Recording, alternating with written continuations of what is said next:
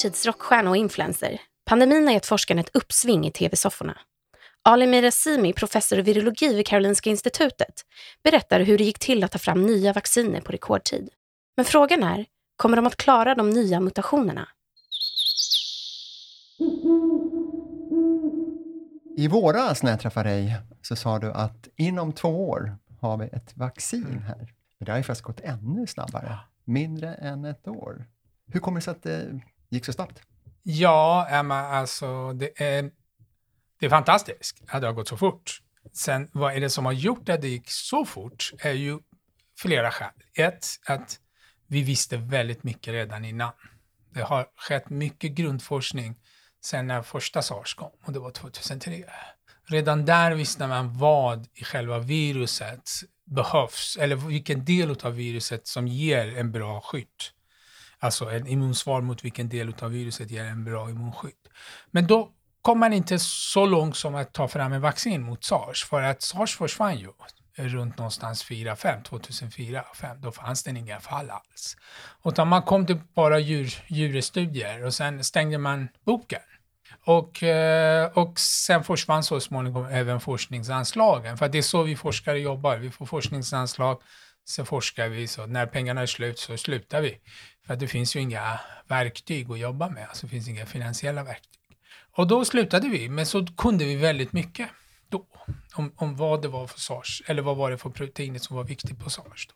Så när den där kom, så då kunde de här stora företagen faktiskt direkt hoppa. Så det, de vann ju några år på att kunna direkt hoppa i vilken protein de skulle ta.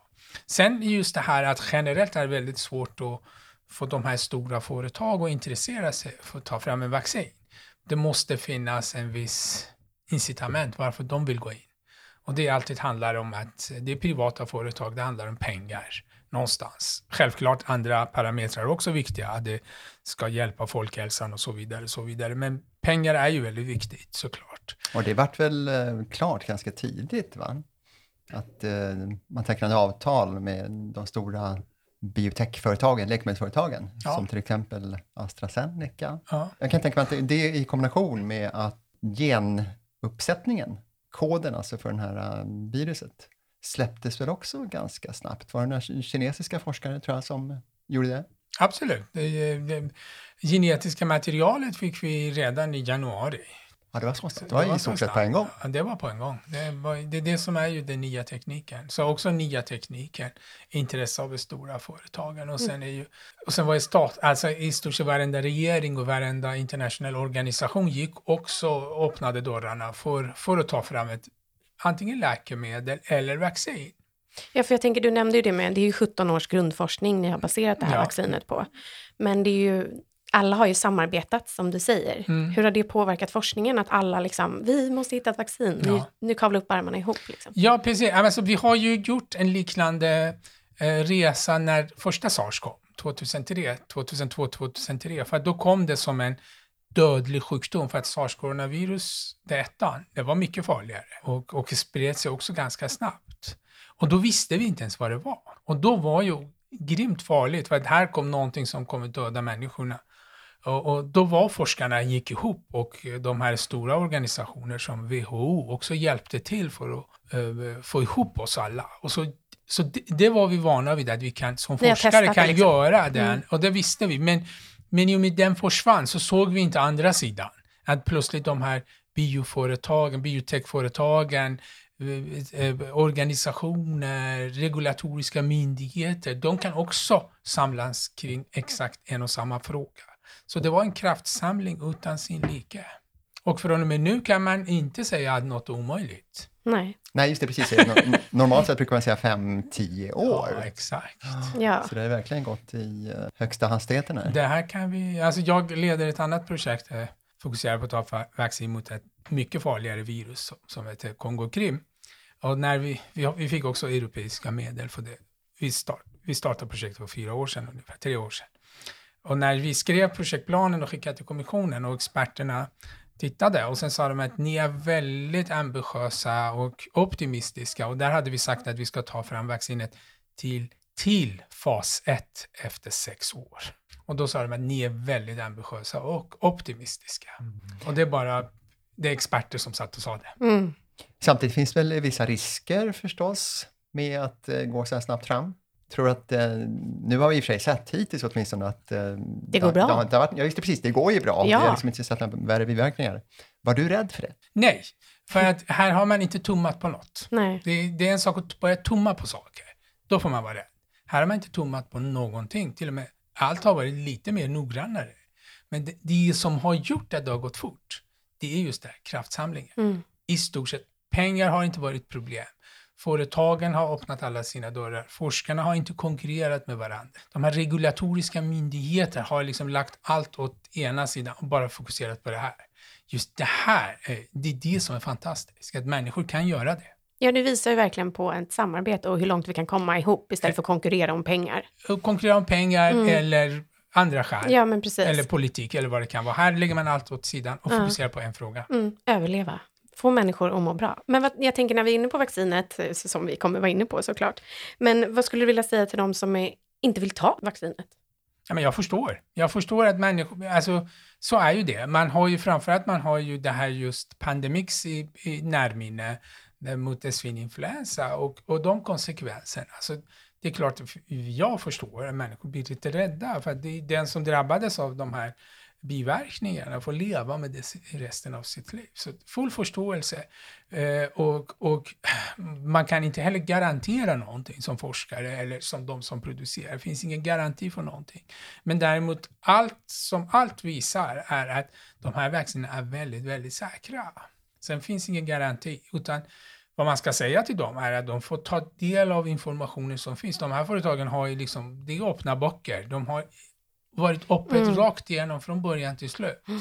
Så all information finns där. Men garanti får, får ingen, aldrig, någonsin. Utan, utan här, för, för oss forskare, att handlar om att möta all typ av oro och mm. skeptism och, och, försöka möta det med information och bra information och inte vara den där bergsäkra, för det, det ingen kan garantera. Nej. Men jag tänker hur många behöver då, flock, alltså för att få en flockimmunitet, mm. hur många behöver vaccineras? För jag tänker då, om vi säger att vi har de här som är emot, ja. då kanske de är ett hörn, men kan ja. de liksom, hur många behöver vi bli för att vi inte ska bli dö av de som vägrar? Liksom? Nej, alltså, man pratar någonting om runt mellan 50 till 70 procent.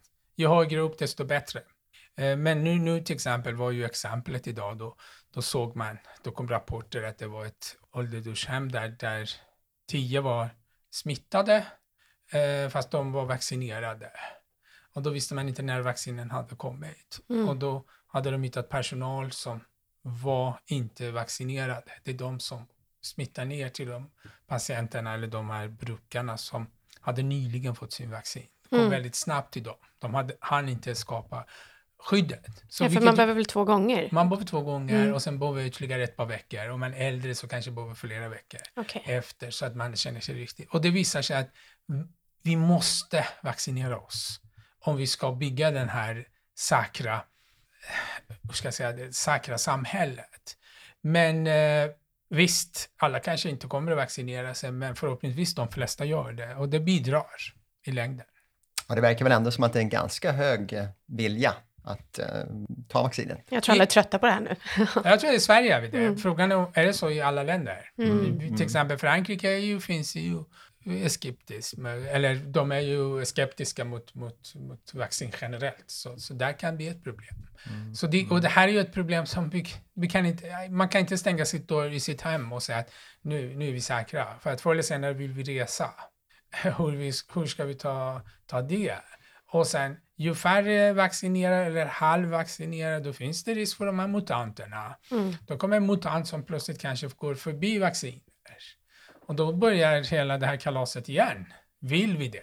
Och där, där är vi inte än, va? Där är vi inte än, men den kommer när vi börjar vaccinera. Okej, okay. det kommer som Då kommer, om vi inte vaccinerar på rätt sätt och på bra sätt, så kan dyka upp mutanter som går förbi vaccinet. De mutanter vi har, förhoppningsvis vaccinet klarar ganska bra. Men de som kommer efter vaccination, om det blir halvvaccinationer, då kommer det finnas sådana som passerar. Ja, du tänker om man liksom avbryter eh, kuren? Och bara ja, avbryter kör... kuren eller kör långa avstånd mellan ettan och tvåan mm, som engelsmannen mm. har bestämt att göra till exempel. Mm, mm. eller kanske någonstans där man inte vaccinerar på rätt sätt. I Sverige kan vi lita på systemet. Kan vi lita på systemet i andra länder också? Kan det Mm. finnas kriminella som Nej, bara säljer vatten eller vad det kan vara? Eh, och, och det finns så många parametrar. Så här är verkligen, kampen är inte slut. Utan nu har vi sista fasen kvar och då ska alla vara ihop eh, hela vägen. Det är därför WHO har lyft upp alltså rika länder. Ja, men ni klarar er. Ni har pengar, ni har infrastruktur. Men glöm inte de fattiga Nej. länderna. För att är de inte med på med- på det här så Mm. då, då faller hela systemet igen. Och då vi får problem, kommer en mutant, då börjar vi om. Mm. Vad har vi lärt oss av covid då? Ja, vi har lärt oss att allt är möjligt om vi samarbetar. Det har vi lärt oss, tror jag. Mm. Och det kan ju till och med inspirera klimatforskarna, eller säga. Ja, men alltså, jag menar, fixar man det här så kanske man också kan fixa klimatet. Ja, ta hand om jorden Ja, liksom. ja. Mm. Ja, men det, vissa människor kan faktiskt göra, Ja. om, men det är ju ja, om det, det visar sig att här, här alla gått ihop. Alltså varenda människa har gått ihop. För, men det, det, varför det? Jo, för att det är någonting som drabbar alla. Och det visar sig att om vi ska nå någonstans, då måste drabba alla. Och, om, och då måste man faktiskt motivera människor, om det är klimatet man tänker, man måste motivera varför den kommer att beröra dig. Så fort det inte berör någon, då kan man Ja, men det är det som är så hemskt. saker. Det är som att folk struntar i att jobba förebyggande. Eller förstår ni vad jag menar? Att så här, vi kanske kommer ta hand om klimatet då när jorden börjar spricka upp Ja, just och precis, som när försvinna. det, när det kan vara för sent. Ja, men Ja, precis. det är väl det som Lite som också visar på så här, nu jobbar vi ihop, för nu har vi det här Mm. kommit. Men det har ju funnits, som du säger, flera virus som har varit livshotande. Ja, och ja. fortfarande här finns ja, i ja, världen. Ja, ja, men den berör inte alla, så man bryr sig inte. Nej, Utan det får den landet, ebola i Afrika, det får Ja. Afghanistan. ja, Så länge precis. de inte kommer hit. Så. Ja. Precis. Men du nämnde någon, vid något tillfälle tidigare här att eh, det här covid-19, eller coronaviruset, är ganska harmlöst i jämförelse med eh, de potenta virus som finns där ute någonstans, kanske bland eh, fladdermöss Ja. till exempel. Ja. Och att det här skulle kunna vara lite förövning, lite gen- generalrepetition. Genrep. Precis, genrep. Ja, äh, men så, ja, absolut. Och saken är att vi har haft dem hela tiden och de har ju funnits, men det är just det här att det, har in, det drabbar inte hela världen på samma sätt. Man fokuserar och sen man släpper. Om ni kommer ihåg kanske 2014 hade vi ett ebolautbrott i Västafrika och det lamslog hela Västafrika och de fortfarande betalar priset. De Många vågar inte gå till sjukhus för vaccin, allmänna vaccinationer och de ungarna har drabbats av andra sjukdomar och sam, alltså finansiella delen fall. Eh, och eh, från Europa och USA och de rika länder, vi skickade hjälp och sen såklart några av våra hjälp de som vi hade skickat blev sjuka och de tog vi direkt hem och tog hand om. Så var vi oroliga att det här viruset kommer och sen faktiskt tog man fram en vaccin som faktiskt fanns redan för tio år innan detta i frysar. Men ingen hade tagit upp den för kliniska prövningar. Oj. För det var ingen företag som var intresserad. Vem vill göra en vaccin mot ebola? Alltid Som pengar. kommer i ett fattigt land, kanske tio fall. Man bryr sig inte. Utan nu blev det plötsligt ett problem och gick WHO och sa nu måste ni komma och hjälpa. Och då kom ett par företag och sen tog tag i den och körde fas 1, fas 2, fas 3. Och då kom vaccinet till slutet klart. Men sen har man inte gjort så mycket mer då, då epidemin försvann. Men då, då, då hade vi sett redan där, det, det går att göra saker, men då måste du ha alla elementen med. Eh, och och, det, och det, det gjorde att till exempel kommissionen blev jätterädda när de såg detta och då kom de och kontaktade mig, i och med jag är en av experterna på Kongo-Krim. Har vi ett vaccin mot Kongo-Krim? För det är ett europeiskt hemorragisk feber. Har vi någonting mot det, Ali? Mm, och jag sa nej, det har vi inte. Och då var det så här, men så, jaha, det var liksom okej, då ska vi kanske börja titta på det. Och då kom det, så, så alltså det måste komma sådana saker för att man ska börja tänka två steg framåt. Och det finns, självklart, det finns, man förstår det, fast det, finns så många andra problem som berör gemene man. Mm. Alltid. Det är Mm. liksom, om tittar du till exempel Sverige, vilka sjukdomar är viktigast här? Ja, Mm. Psykisk ohälsa kanske, Cancer. cancer diabetes, Mm. fetma. Det är de, alltså vem bryr sig om Kongo-Krim? Mm. Eller vem brydde sig eventuellt om coronavirus om den håller sig i Kina? Mm.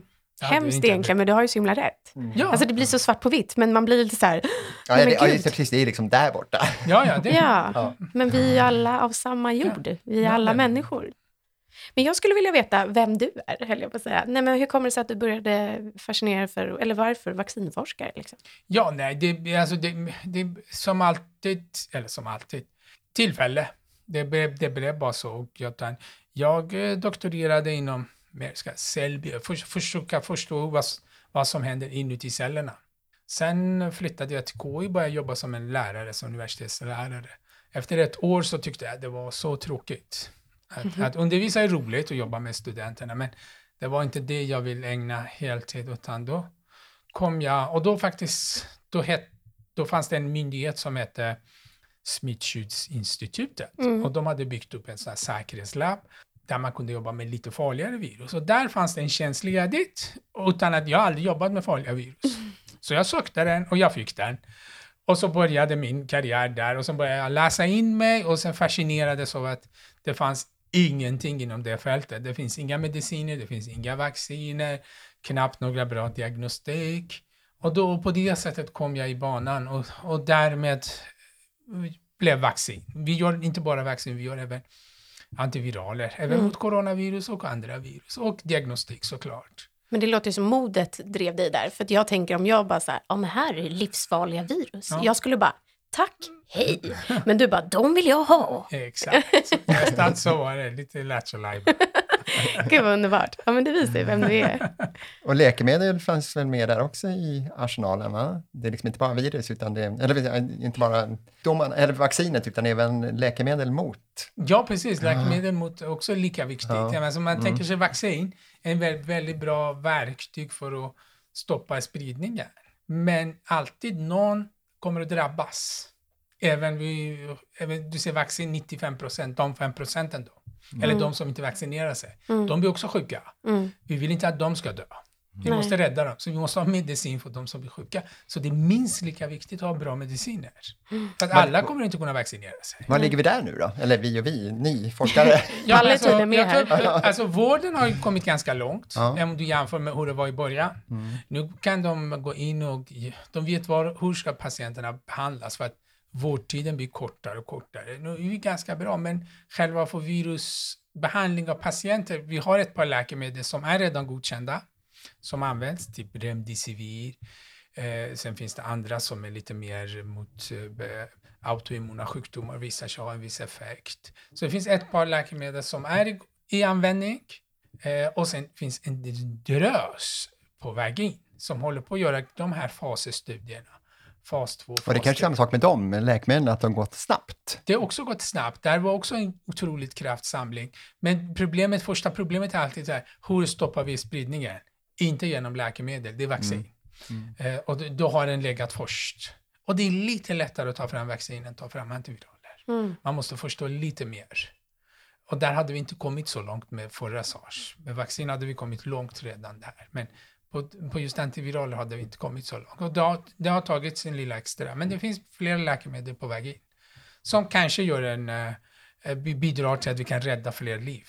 Men jag känner så här, vad driver det då? För att det är ju inte ett litet jobb du har. Nej. Alltså det måste ju ändå vara så här, när du går och lägger dig bara ja. så här, jag har gjort ett vaccin. Mm. Eller liksom så här, jag kan rädda så många människor. Ja. Det måste ju vara någon enorm så här, klappa sig själv på hjärtat. Ja, någonstans, in, alltså det, det är indirekt va, för när man väljer så vill man ha ett roligt jobb. Och det var det jag tyckte var, ja, det här var extremt roligt jobb. Jag gör olika saker och, eh, och sen forskare är ju chef över det själv, så mm. jag i stort sett bestämmer vad jag vill göra. Om jag är duktig att dra in pengar, då i stort sett är jag chef över mig själv. Och det, det var en drivkraft som gjorde det. Och sen när man kommer längre i sin karriär så ser man hur mitt verk kommer till användning. I något, normalt brukar det vara så att, som vi sa, alltså, jag kan börja ta fram en vaccin, sen kanske innan jag går i pension så kanske vaccinet är ute. Mm, mm. nu var vi såg att nej, men det kan gå väldigt fort och vilket stimulerar oss vidare nu att ja men gud, det går faktiskt att göra mycket. Innan jag går i pension så kanske jag har ett par mediciner mot Kongo-Krim och corona och kanske ebola.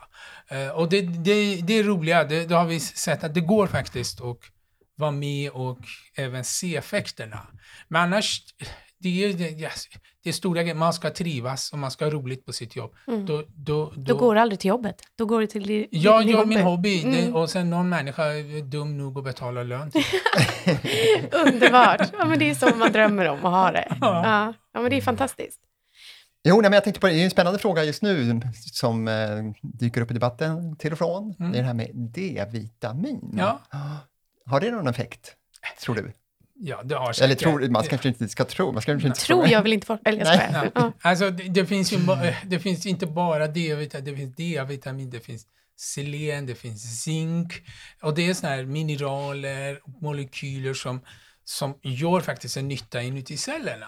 Även, för att eh, man ska tänka sig en infektion med coronavirus eller vilket virus som helst startar med en infektion där viruset tar sig in i cellerna. Och där är ju det är väldigt viktigt att ha vissa mineraler för att de är ju, jobbar i den antioxidanta eh, processen och den är väldigt viktig i samband med infektion. För att inf- när celler infekteras, det stressas och det händer konstiga saker och det är bra att ha vissa mineraler som hjälper till. Eh, Och saken är att om man överdoserar mineraler generellt, om det är vitamin D eller vad det kan vara, de cellerna kan inte ta upp mer än de kan ta upp. Så, Mm. det, det, så, så normalt som sådant, om du äter en vanlig kost, en varierande vanlig kost, då har du den mängd du kan ta. Även nu på vintern. Ja, om du tar det normala så borde det räcka. Sen Mm. kan du dosera med lite mer, men den per se kommer inte rädda dig från coronavirus. Den är ju mer för hälsan, för när viruset kommer, den kommer. Ja, just precis. Ja. Den, den bryr sig inte om du har vitamin D i kroppen Så eller ett inte. bra allmäntillstånd är väl en... eh, Den är väldigt bra eh, generellt att ha. Och Mm. då är det ju liksom en, en normal kost. Sen, vissa kanske har vissa sjukdomar där vissa vitaminer är brist på eller mineraler Mm. är brist på. Då kan man se till att göra för att då mår man bättre. Mm. Sen om att själva mineralerna per se ska hjälpa eh, sjukdomstillståndet. Det, forskning pågår. Jag själv på, eh, gör en sån forskning där försöker titta på effekten av selen i, i, i, för virusinfektioner. Så, så vi tittar på den också. Men, men jag tror att i, i den korta versionen, det är mer eh, läkemedel och vaccin som är viktigt. Det andra är någonting som vi kommer att lära oss framöver. Mm. Nej, men jag tänker, du var lite inne på det och touchade lite, men det finns ju väldigt många som helt plötsligt, lite som Palle var inne på, de börjar skapa grupper på Facebook och bara, nu säljer jag omega-3, Ja. nu säljer jag D-vitamin, det här Ja, kommer rädda ja. dig mot covid. Och sen så, alltså jag har blivit mörkrädd av att gå in Ja. på min Facebook, för att alla har blivit vaccinforskare. Ja. Och alla jobbar tydligen på Folkhälsomyndigheterna.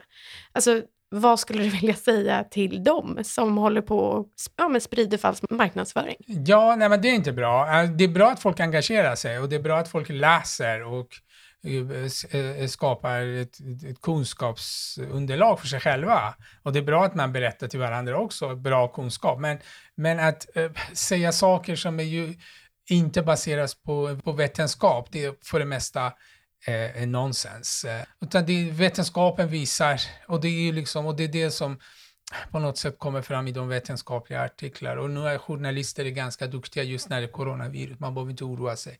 De plockar upp allting. Så man behöver inte gå in och liksom läsa Facebook för att inte missa något. Nej. Är det något värt att rapportera så är media först. Mm. Eh, Sen får de dementera, men Mm. då slipper man få från en kompis från Mm. huset bredvid som har tagit fram en olja som Ja, kanske gud ja. Det, hjälper, så tro mig, jag ser hjälper. allt. Jag Ja. ser allt. Sen är det väl alltid ett bekymmer kanske när forskarna inte är helt överens, utan eh, vi har ju det här forskaruppropet. Ja. Hur ska man bemöta sånt där? Det är Ja. ju lite marigare, kan jag Ja, känna. den är, den är svårare. För, att, Ja. för oss är det väldigt vanligt, för att så funkar forskning. Mm. Vi, eh, det, för oss är det väldigt normalt att bemöta hårda kritik från forskarkollegor. Men grejen är att den här dörren som vi har för oss själva är plötsligt öppet. Så att gemene man tittar och tycker det här är jättekonstigt. För oss är det inte konstigt alls. Nej. Vi publicerar en rapport, sen kan ta en månad eller två månader. kommer en rapport där och säger att det här var fullständigt värdelös rapport. Mirasimi gjorde, utan han missade det och det och det och det, så här och så här ska man tänka. Och sen går jag hem och försöker bevisa att de har fel och sen kommer jag med en ny rapport. Så håller vi på med ett par år. Tills någon backar och säger okej, där hade du rätt. Eller vi. Så för oss är ju väldigt vanligt det här. Det är kritik, möta kritik, få ge kritik är väldigt normalt. Men det är bara att kanske gemene man inte Har sett det förut. hade sett på det sättet. För oss är det väldigt vanligt, så det här är inget konstigt för oss. Ja, speciellt om man säger lita på experterna. ja. ja, precis. Och experterna är inte ens överens. Nej, precis. Då blir det lite, då blir det lite svårt. Ja, det blir lite svårt och saken är att det är så expertis går framåt. Ja. Om alla är överens om allting, då blir det ingen bra. Nej, Utan det är bra att Ja, det- vi säger lite emot, för att då måste vi bevisa varför jag har rätt. det ligger liksom Och det i så- forskningens väsen. Det är, det är så handlar om att komma med en hypotes och sen bevisa eller motbevisa. Och det är så det forskning går framåt. växlas på lite grann och det är det här att eh, folk drabbas så olika. Vissa blir ju, eh, dör ju helt enkelt. Och i och för sig, det har vi sett vissa samband med äldre, till Ja. exempel det här med att åka övervikt. Men även bland yngre, att det kan slå så otroligt olika. Har du någon teori kring det? Nej, vi har ingen teori generellt kan jag säga. Ingen har någon teori alls. Däremot det, det vi kan säga är att de flesta som drabbas, det är över 90 procent av alla dödsfallen, det är 70 plus med bakomliggande sjukdomar. Det är tydligt klart. Sen har vi några i- bland de till och med väldigt unga grupper som eventuellt går bort och, och liksom kanske även minus 50 som kan gå bort och så vidare. Vi har, det finns sådana fall, men vi vet inte varför. Och det, det tar tid att förstå detta, för det, någonstans ska du tänka att det, det är någon promille mm. jämfört med den stora. Stora är ju de äldre. Eh, och, och, och det är helt korrelerat med att syresättningen blir väldigt dåligt. Eh, och de är ju, har så mycket andra sjukdomar, till slut slår de. De har lungsjukdomar, då blir det värre. Om hjärtsjukdomar, då blir det värre. Om du har Men gäller det samma sak med säsongsinfluenserna, att även unga dör där? Eh, för säsonginfluensa brukar vara de äldre som blir jättesjuka och det är de vi rekommenderar att vaccinera. Men sen kommer svininfluensa. Det är därför att svininfluensa blev jättestort. För att där såg vi plötsligt att det var en influensa som slog till unga, inte de äldre. Nej. Och det var farligt, för det vill vi inte. Vi vill inte gå miste om yngre generationer. Och då var ju det här, man tog fram en vaccin väldigt snabbt, och det var ju Pandemix. Och, och, och då framförallt var det viktigt att unga gick och vaccinerade sig. Och då kom de här biverkningarna hos Narkolepsi. Ganska lite, men det kom ändå. Och, det var det som var stora, stora nyheten med det. Så, så normalt, de, många av de sjukdomarna slår på de äldre och, och påverkar. Och här är typ exempel en sån. Där. Men varför de andra går, det är ju ett upp, en en öppet forskningsfråga. För jag fick corona. Jag blev jättesjuk. Hemma hos oss, de andra jag tappade lite smak och lukt. Det var det enda de hade. Ja, någon av dem blev jättetrött kanske. Tjejen blev trött Mm. och fick gå och sova lite extra per dag. Men Det är som Men- ett lotteri. ja, Ja, ja, Ja. det är verkligen, Ja. verkligen. så man vet inte. Nej. Mm. Ja, jag hade feber i två dagar, sen Ja. efter det så Ja. Kunde jag inte springa. Men Ja. Det, det är ingenting som jag brukar, försöka, brukar skryta Nej, med. för Det jag åkte dumt. in.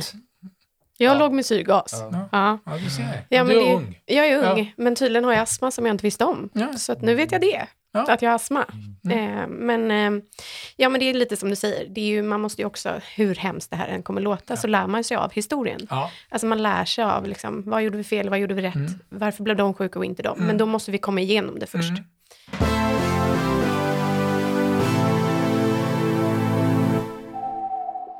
Artificiell intelligens, AI. Bra. Det tror jag att eh, vi har mycket att lära oss från det. Vi till och med själva tog fram en medicin som visade funka på covid-patienter genom AI. Det kommer att inte ersätta människan, men däremot kan, vi kan se det som ett verktyg. Absolut. Snö, det snöar ut idag. Ja, det är skönt med vädersomväxling. Eh, genanalys. Eh, Vi behöver mer nu när vi har mutanter i samhället. Och vi måste ha eh, ännu mer för efter vaccinationer. För att när vi börjar vaccinera så finns det risk för att det kommer nya mutanter. Och då måste vi analysera genen på alla coronavirusutbrott som kommer då. Sommar eller vinter? Ja, sommar. Oj, det var Helt klart. väldigt rakt. Ja, Ja, helt ja, klart. helt klart. så. eh, middag med Biden eller Kamala Harris? Eh, b- ja, alltså, kan man inte ha båda? Du får Det väl ena är erfarenhet och det andra är, tror jag imponeras. Så, så det är en erfarenhet och en som människa som imponerar. Ja, så du bjuder båda på Ja, middag? definitivt. Ja, gud ja. Jag är med. Jag, får jag följa med? Ja. Godis eller glass? Ja, inget. Inget? Nej, inget utav Äter du inte Nej, jag har ingen sötsaker? sött. eh, Oh my god. sorry. Nej, alltså jag tänker bara, Palle ramlar väl av stolen här nu, för han äter ju bara sötsaker. är ju biomedicinsk analytiker i botten Japp, och eh, du har eh, utländskt ursprung. japp. Iran, tror jag. Till och med det. Teheran, kanske. Till och med det. Oj, oj, oj, har du läst hans biografi eller? Research, research. Eh, kan du berätta lite om bakgrunden, din bakgrund? Eh, Ja, det beror på hur långt bakåt vi vill gå. Jag kom till Sverige typ mitten av 80-talet. Jag har två bröder, vi är stort sett allihopa här. Jag är sån här mellanbarn, en äldre bror och en yngre bror. Jag utbildade mig till BMA, eller då hette det till och med laboratorieassistent. Ja, det, var, det var för långt det var för knappt, att skriva. Det var knappt, knappt BMA då. Sen efter det så gick jag vidare och läste upp mig till mikrobiolog och sen eh, började jag mina forskarutbildning, min forskarutbildning då. Och sen blev jag doktor i virologi och sen gick jag, tog jag nästa steg och sen fortsatte jag i, i akademin helt enkelt. Mm. Man brukar säga att forskargärningen, den är mer än heltid. Det är inte bara när man är här 40 timmar i veckan, utan eh, är, om man vill så är det ju dygnet runt. Ja, det är det. Men jag tänkte, har, hinner du med någonting annat? Och vad gör du då för att koppla av? Ja, jag, alltså jag, ja, nu får jag inte säga att jag tränar, för nu hinner jag knappt träna. Men jag, jag älskar att träna, så jag har tränat karate i nästan över 30 år. Oj. Så jag har varit med och har drivit några karateklubbar, framförallt för, för barn och unga. Och även äldre såklart. Mm. Uh, det har jag gjort. Jag älskar havspaddla. Oh. Alltså, så jag, och det var länge sedan. Mm. Så jag på skärgård, riktigt ut i, ut i det stora och paddla. Det älskar jag. Så det är de två som jag, som jag brinner för. Sen kommer det, all, det som allt annat, träffa kompisar och läsa böcker och sånt där. När de, sover du? Det låter som att du har väldigt mycket att göra. Ja, precis. Just nu är sovande är inte prioriterat. Alla drar i dig. Vi får ta, ta den, den sen. Men det är liksom, det är ju, forskare är svårt för att du gör din hobby. Mm. Och man mår bra av sin hobby och det är därför man jobbar väldigt mycket, för att man får kicken av sin hobby, speciellt när det går bra. Även när det går dåligt är också ett, en drivkraft för att göra än, ännu mer. Alltså, i stort sett, ibland känner man, okej, okay, när det börjar gå bra så kan man dra tillbaka lite grann. Men det blir värre, för då blir man stimulerad. Och om man går dåligt så kanske orkar du inte. Så, så argumenterar de hemma. Mm. Ja, då blir det bara värre, för att en förlust accepterar inte jag. Och då blir, så det spelar ingen roll, så man jobbar hela tiden. Ja, men det är ju så, eller de säger ju så, de där andra som forskar kring självledarskap, eller på säga. Mm. Nej, men när du, är, när du brinner för någonting, då kommer du in i ett annat flow. Mm. Och det flowet blir inte på samma, kan inte på samma sätt göra dig utbränd på ett sätt som att du är på ett arbete och bränner ut dig när du inte är i ditt flow. Förstår ni vad jag menar? Exakt. Och det låter ju som att mm. det här är du i ditt flow. Ja. Nej, precis. Jag känner mig inte utbränd kan jag säga. Och det kan jag gå precis på gränsen och jobba dygnet runt. Mm. Jag blir bara mer tänd på att göra ännu mer. Så det, men det är bra att göra andra saker och där tar jag in mycket från min sport då. Mm. Nu om jag hinner, men nu hinner jag inte ens. Jag tänker du kan ja. brotta ner Palle sen här utanför. Ja, det tror jag inte. Han såg vältränad ut. Okej, ta mig. ja. Nej, men att det är viktigt att ta din sport. Ja, alltså på något sätt fysiskt aktiveras och speciellt sådana sporter där man inte behöver tänka. Mm. Mm. Eller ta med sig dagens eller sitta och tänka på något virus. För det går inte i karate. Då smäller det. Utan då måste du liksom fokusera på det du gör. Eller nu är du på havspaddling, du kommer vågor från alla olika håll. Du kan inte börja tänka på saker. Du måste vara i nuet. Du måste vara i nuet. Och det gör att hjärnan faktiskt eh, nollställer sig. Och det är väldigt viktigt. Det har jag insett att det är väldigt viktigt. Eller gå och lyssna på en podd. Så att du, du försvinner, ja, försvinner helt och hållet från, från din vardag. Mm. Det behöver även en forskare. Ja, men det förstår jag. Och innan vi träffades, eller vi möttes i det här rummet, så sa du också att det är väldigt många som ringer och Mm. vill ha din expertkunskap. Jag och Palle sa så att du har ju blivit lite av en kändis Ja. nu. Mm. Hur är det, kändisskapet? Eh, ja, men alltså det är, alltså jag tycker, alltså det finns flera aspekter. Det ena tycker jag det är jättekul att forskarna har blivit kända. Eh, för att forsk, forskare är en karriär som är ju, du är längst ner bakom, bakom väggen. Ingen vet vem du är, vad du gör, tills du får Nobelpriset. Och då börjar man, aha, vad gjorde den gubben då? Eller vad gjorde den där tanten då? Mm. Och sen läser man om den och sen lägger man det åt sidan. Så det är ju, och det är roligt att nu plötsligt forskarna har tagit platsen som influenser har haft den i många år, eller alla de här kändisarna, artisterna har varit. Nu sitter varenda morgonsoffa, det finns någon professor där av Mm. något slag. Så det är väl bra att eh, upplysa den yrkeskategorin där faktiskt. Och många av dem är dina kompisar också, Ja. föreställer jag mig. Ja, i stort sett är kompisar. Det är en liten värld, så vi känner Mm. alla varandra. Mm. Och det är roligt att se och, och sen, och alla är duktiga tycker jag, förmedlar det som, som vi diskuterade, för att bemöta kritiken med, med rätt argument på ett enkelt sätt. Mm. Ja, alla ska ju förstå. Ja, alla ska förstå och sen ska man inte låta självklart och så, så säkert heller, för att forskning är ju allt sällan säkert. Mm. Eh, eller biologi är sällan svartvitt. Det, och inte, för, och inte fördöma de som eh, är motståndare till vaccinering till exempel? Nej, definitivt. De, jag förstår dem fullt, fullt, fullt mm. utan det, man måste möta dem och prata med dem. Mm. Så, mm.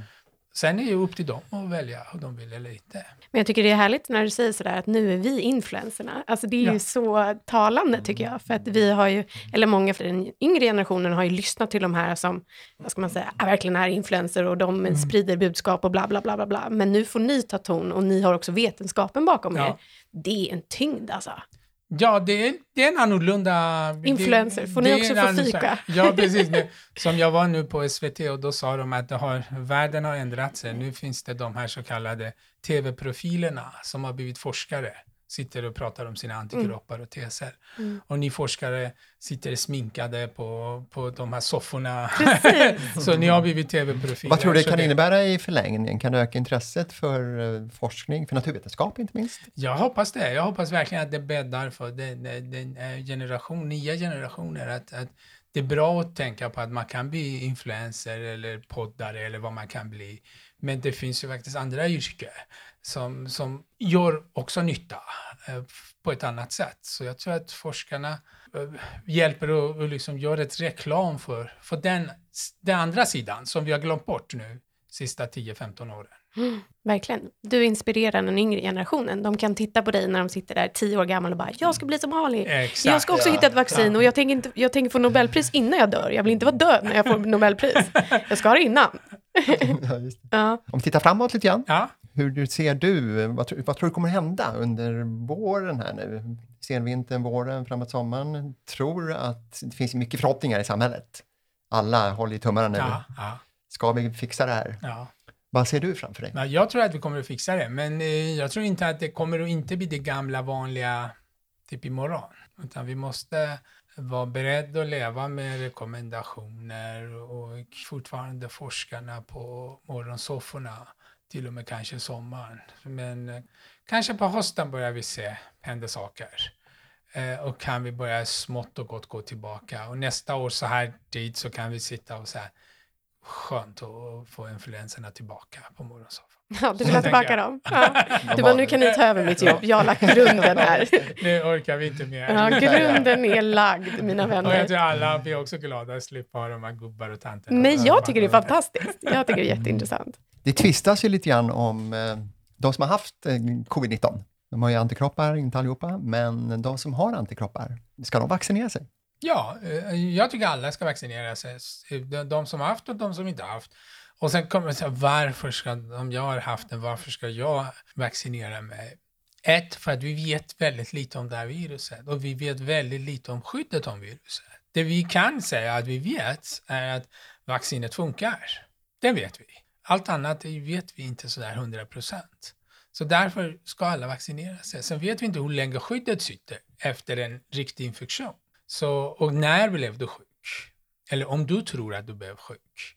Så, så jag tror att för, för att ta bort alla de här frågetecken och ha koll på pandemin så är det enklaste sättet att alla vaccinerar sig. Sen får tiden visa, det kommer vi lära oss under kanske kommande åren. Att det kanske är så att om du blir infekterad eller du blir sjuk en gång så kanske du är skyddad i tre år. Då behöver du inte bry dig. Eh, men, men just nu vet vi inte. Och, och, vi har en pandemi som bara växer och växer och det uh, låter inte som att den är på väg neråt någonstans. Utan då, då, då ska vi vaccinera oss. För det är säkert, det vet vi att det funkar. Bättre att gardera sig. Ja, men också Absolut. skydda de som inte kan ta vaccin för de andra immun, vad heter det, sjukdomar.